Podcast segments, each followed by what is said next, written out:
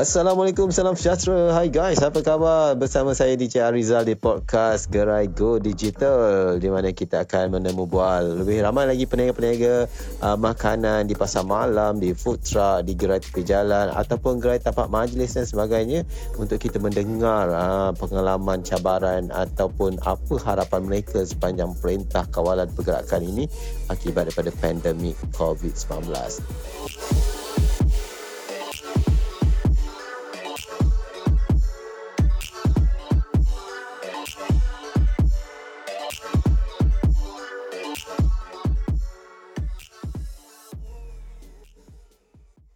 Dan bersama saya seorang lagi tetamu di talian yang saya hubungi seorang peniaga Muhammad Iqbal bin Kamal Bahrain daripada Keria Gula Melaka Tok Ma di Shah Alam. Apa khabar Iqbal? Khabar baik, Alhamdulillah sihat. Alhamdulillah. Iqbal, ah, Iqbal umur berapa ni Iqbal? Umur saya 21. Muda lagi. Ha, itulah suara muda ni. Okey Iqbal. Bujang-bujang. Bujang ya. Yeah. Okey Iqbal nak tanya ni. Ah uh, kerja gula Melaka Tok Ma ni dah berapa lama dah uh, Iqbal berniaga? Uh, dah dah 3 tahun dah daripada 2007 2000 eh 4 tahun dah. Wow. Hmm. Daripada Ma- 2017 sampai 2020 ni. Hmm, maknanya Iqbal berniaga ni umur Iqbal daripada S, lepas SPM. Ah, lepas SPM terus niaga. Oh, okey. Dan um, sampai sekarang berniaga di mana biasanya? Ah, yang stay 4 tahun tu daripada 4 tahun tu lah. Uh-huh. 19 Syaklah mas. Uh-huh. 4 tahun niaga kat situ. Uh-huh. Dan sekarang masih di situ lagi lah? Ah, masih di situ lagi. Di section 19 Syahlam lah? Hmm, okey dan uh, sebelum PKP boleh berniaga kat sana. Sekarang lepas PKP ni macam mana? Adakah um, buat secara online? Uh, ada juga buat online tapi kurang sikit lah online ni berbanding dengan di jalan kan. Hmm. Uh. Hmm. Dan so, uh, uh, apa uh, cabaran dia buat kena gunakan online ni? Customer kurang? uh, customer kurang sikit lah. Lagi satu runner pun kita main jauh-jauh kat eh. Runner dua orang je. Uh-huh. Kadang ada order kat Laintian. Uh-huh. Runner jauh-jauh kan cik kan. Susah uh-huh. sikit lah. Hmm. Uh-huh. Kalau Sejak... mega kat jalan ni senang. Orang datang. Uh-huh. Kita kita bagi je kan. Uh-huh. Dan sekarang ni dah P- dan dah PKPB ni uh, dah boleh berniaga uh, ada yang tempat yang boleh berniaga dah buka berniaga gerai-gerai kan uh, ha, ya. Iqbal buka ke sekarang ni dia buka kat ni. Baru dua hari buka dekat 19. Oh, dah boleh buka dah. So, ha, macam mana okey dah balik bisnesnya? Ha, dah okey sikit Alhamdulillah. Hmm, jadi uh, mudahlah cuma kena orang kata kena pakai mask kan dah tak boleh nak secara uh, adalah normal baru kan uh, kan Iqbal. Ah, tapi waktu yeah. gunakan uh, online hari tu, Iqbal gunakan online uh apa ni aplikasi apa? Adakah Iqbal gunakan Facebook, WhatsApp dan ada guna e-dagang ke jual kat mana-mana ke? Ah, uh, kita guna dekat FB, kita promote dekat FB. Mhm. Lepas tu orang WhatsApp dekat nombor yang 018 mhm 323 0652. Hmm, ni iklankan uh, nombor lah ni.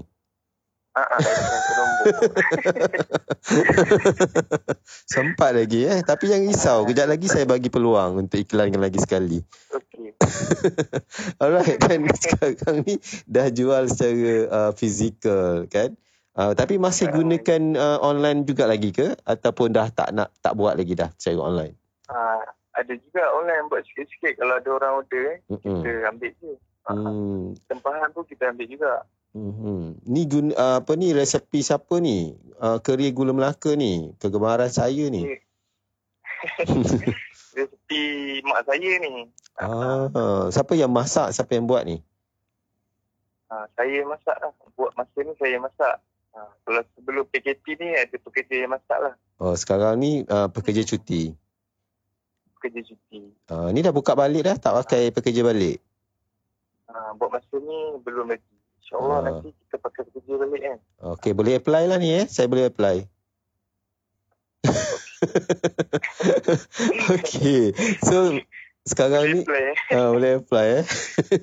okay, so sekarang ni uh, Iqbal buat semula dekat tu ta- tanpa ada bantuan masak seorang-seorang ke uh, sebab kenapa? Um, um, boleh boleh orang kata uh, apa ni ialah kalau ramai pelanggan masih boleh ialah nak menggoreng lagi lepas tu Iqbal nak kena menyiapkan sempat ke semua tu sempat sempat insyaallah hmm. alhamdulillah lah buat setakat ni sempat je uh, okay. sebab order pun uh-huh. belum banyak macam sebelum sebelum PKP ni uh-huh. sebelum PKP ni uh-huh. kita dapat order dalam 4000 biji macam tu wow banyak eh uh, hmm. Okey dan uh, macam mana cabaran dari segi harga barang ke menaik meningkat tak waktu PKP ni? Uh, harga barang still maintain rasanya untuk sekarang ni. Ya ke? Macam berubah. Uh, Kle- guna kredit kan? kan? Uh, guna kredit. Ha, kredit senang dapat? Kredit senang dapat. Uh, Alhamdulillah. Nah, saya tak pandai pilih kredit Iqbal. Saya beli kredit mesti mesti tak boleh makan. Saya dah give up kalau nak beli kredit. ha, orang ada orang pandai kan dia tengok kredit tu macam mana yang boleh dimasak lagi ha. kan. Kan saya beli tu saya bawa balik rumah nak, nak rebus ke tengok potong-potong Allah tak boleh guna pun. Ting, daripada 10 apa 10 biji kredit tu Kadang-kadang tinggal tiga je boleh masak. Yang lain kena buang. Lainnya banyak yang rosak buahnya. Ha, buah rosak semua. Itulah dia kelemahannya kan. Tak pandai kan. So tapi kan nak tanya juga dengan Aikal ni. Uh, cara pembayaran dulu waktu online gunakan uh, transfer ke atau cash? Uh, kita buat online banking dengan cash. Hmm, adalah orang nak guna cash cash jugalah kan? Ha, uh, ada juga Hmm. Dan sekarang ni secara macam uh, dah ada kedai, apa gerai fizikal pakai tunai je ke ataupun mungkin uh, Iqbal rasa oh guna cashless apa cashless ataupun bayar secara ni ke tak tak tak guna, tak nak guna macam tu. Macam mana? Yalah sekarang ni kan dah buka gerai balik semula kan? Uh, uh, ya. Uh, tak nak gunakan uh, cashless ataupun tak pakai tunai sebab sekarang ni orang kata hmm. kalau boleh kurangkan gunakan cash tunai kan? Cash lah eh. Mm-hmm. Tu pun tengah fikir-fikir lagi nak buat juga tu. Mm-hmm. Nak buat jugalah eh. Mm-hmm. QRP tu semua eh. Betul. Tapi buat masa sekarang ni kita pakai cash dulu lah eh. Hmm. Yalah sebab ada orang pun tak ada yang uh, QRP. Apa ni tak ada untuk uh, account ni untuk bayar secara ni kan online. Uh-uh. Kan.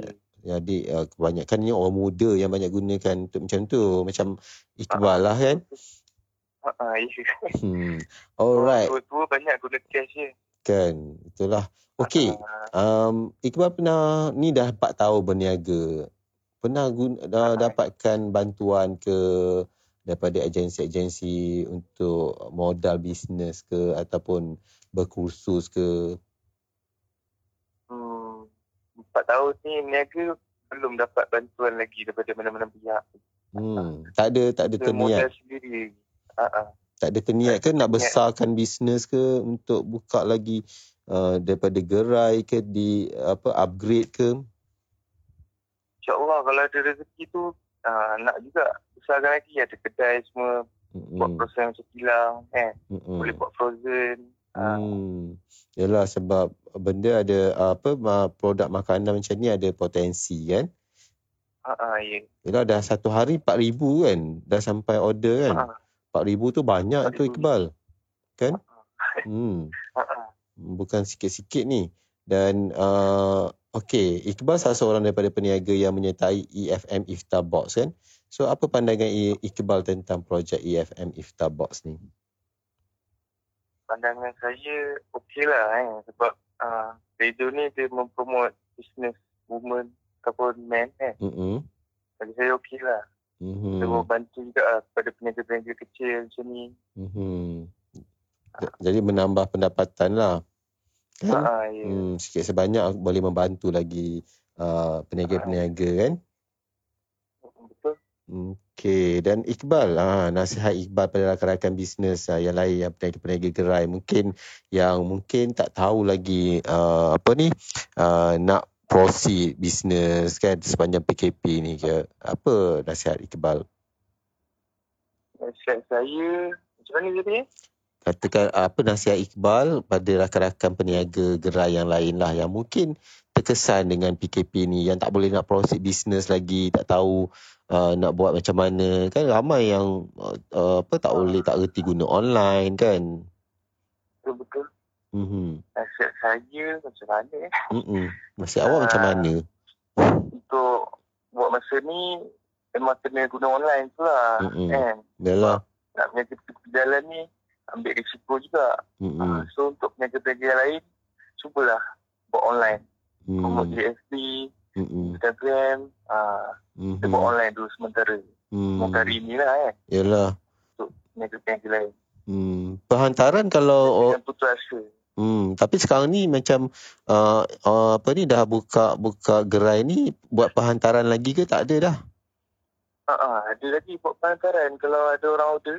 Oh, ada. Buat juga. Hmm. Uh-huh. So uh, Iqbal gunakan uh, apa? Gunakan runner sendiri ke ataupun Iqbal hantar sendiri ke? Ah, uh, gunakan runner sendiri kadang saya pun hantar juga. Oh. Sebelum ke kat luar ni. Hmm. So jadi sekarang ni kena pakai runner lah kan sebab uh, Iqbal dah buka gerai balik kan? Betul betul. Okay. Lah. Alright, okay. Kalau lah orang ramai nak datang beli, uh, dekat mana ni uh, gerai. Iqbal ni? Uh, ni saya bagi iklan kan balik. ada semuanya ada total 8 gerai. Wow. ni. Banyak ha. tu. Dekat mana lagi? Dekat Seksyen 19 Shah Alam, uh-huh. Seksyen 18, uh-huh. Seksyen 28 depan sekolah menengah tu. Uh-huh. Lepas tu Seksyen 13 pun ada juga. Seksyen, Seksyen 13 tu dekat mana? Dekat uh, 13 tu area Ion Mall Shah Alam tu. Ah, saya rasa saya, saya pernah ah. beli kat situ. Uh-huh. Okey. Kalau nampak ada banner Chris Melaka Tok Mak kat mana-mana. Ah, ah saya pernah beli. Saya ah. pernah beli kat situ. Selalu situ sebab singgah. Okey. Lagi? Dekat mana lagi? Dekat Bukit Gelutong. Mhm. Ah, Seksyen 9 tu ada juga. Mhm. Seksyen 2. Wow, banyak. Dengan Subang Subang Bestari. Oh, ingat Subang. University uh, Head Oh, ingat Subang Jaya. Kalau Subang Jaya, petang ni saya pergi cari. Subang Jaya insyaAllah. Kita ah. masuk nanti. Ah. Kan, ah. boleh saya selalu mencari uh, kerja Tok Umar ni. Okey, Iqbal, uh, kalau orang nak order secara online, uh, telefon ke WhatsApp ada berapa? Ada nombornya? Ada, ada, ada. Hmm. Kalau ada yang nak order online, boleh WhatsApp ataupun call 018 uh-huh. 323 0652. Hmm. Uh, 018 323 0652. Okay, alright. Jadi uh-huh. kalau uh, siapa yang nak order tu, bolehlah ada buat perhantaran. Ada charge eh perhantarannya? Uh, perhantaran kalau 19 18, 20 free delivery. Area-area lain oh. dalam RM2 ke RM3 saja. I see. Uh-huh. Okey, okey. Jadi senang lah. Banyak sebab banyak cawangan uh-huh. kan. Sebab lagi pun uh-huh. uh, kalau perhantaran daripada Section 19 jugalah. Ataupun daripada mana-mana branch yang uh, gerai-gerai yang uh, Iqbal sebut tadi ke atau macam mana? Daripada 19 lah. Oh, daripada 19, 19. lah. Uh-huh. 19 tu HQ lah kan? Ah, uh, ya, HQ. Hmm. So gerai-gerai nama lah kat situ. Oh, sebab tapi gerai-gerai yang lain siapa jaga? Gerai-gerai lain uh, ada pekerja lah sebelum ni. Oh, semua tu memang pekerja lah jaga. Ah, uh, memang pekerja jaga. Hmm, tapi sekarang ni um, bila dah PKPB ni uh, dah buka balik tak gerai-gerai lain ni? Gerai-gerai lain buat masa ni belum lagi buka. Yang saya buka sekarang dekat 19.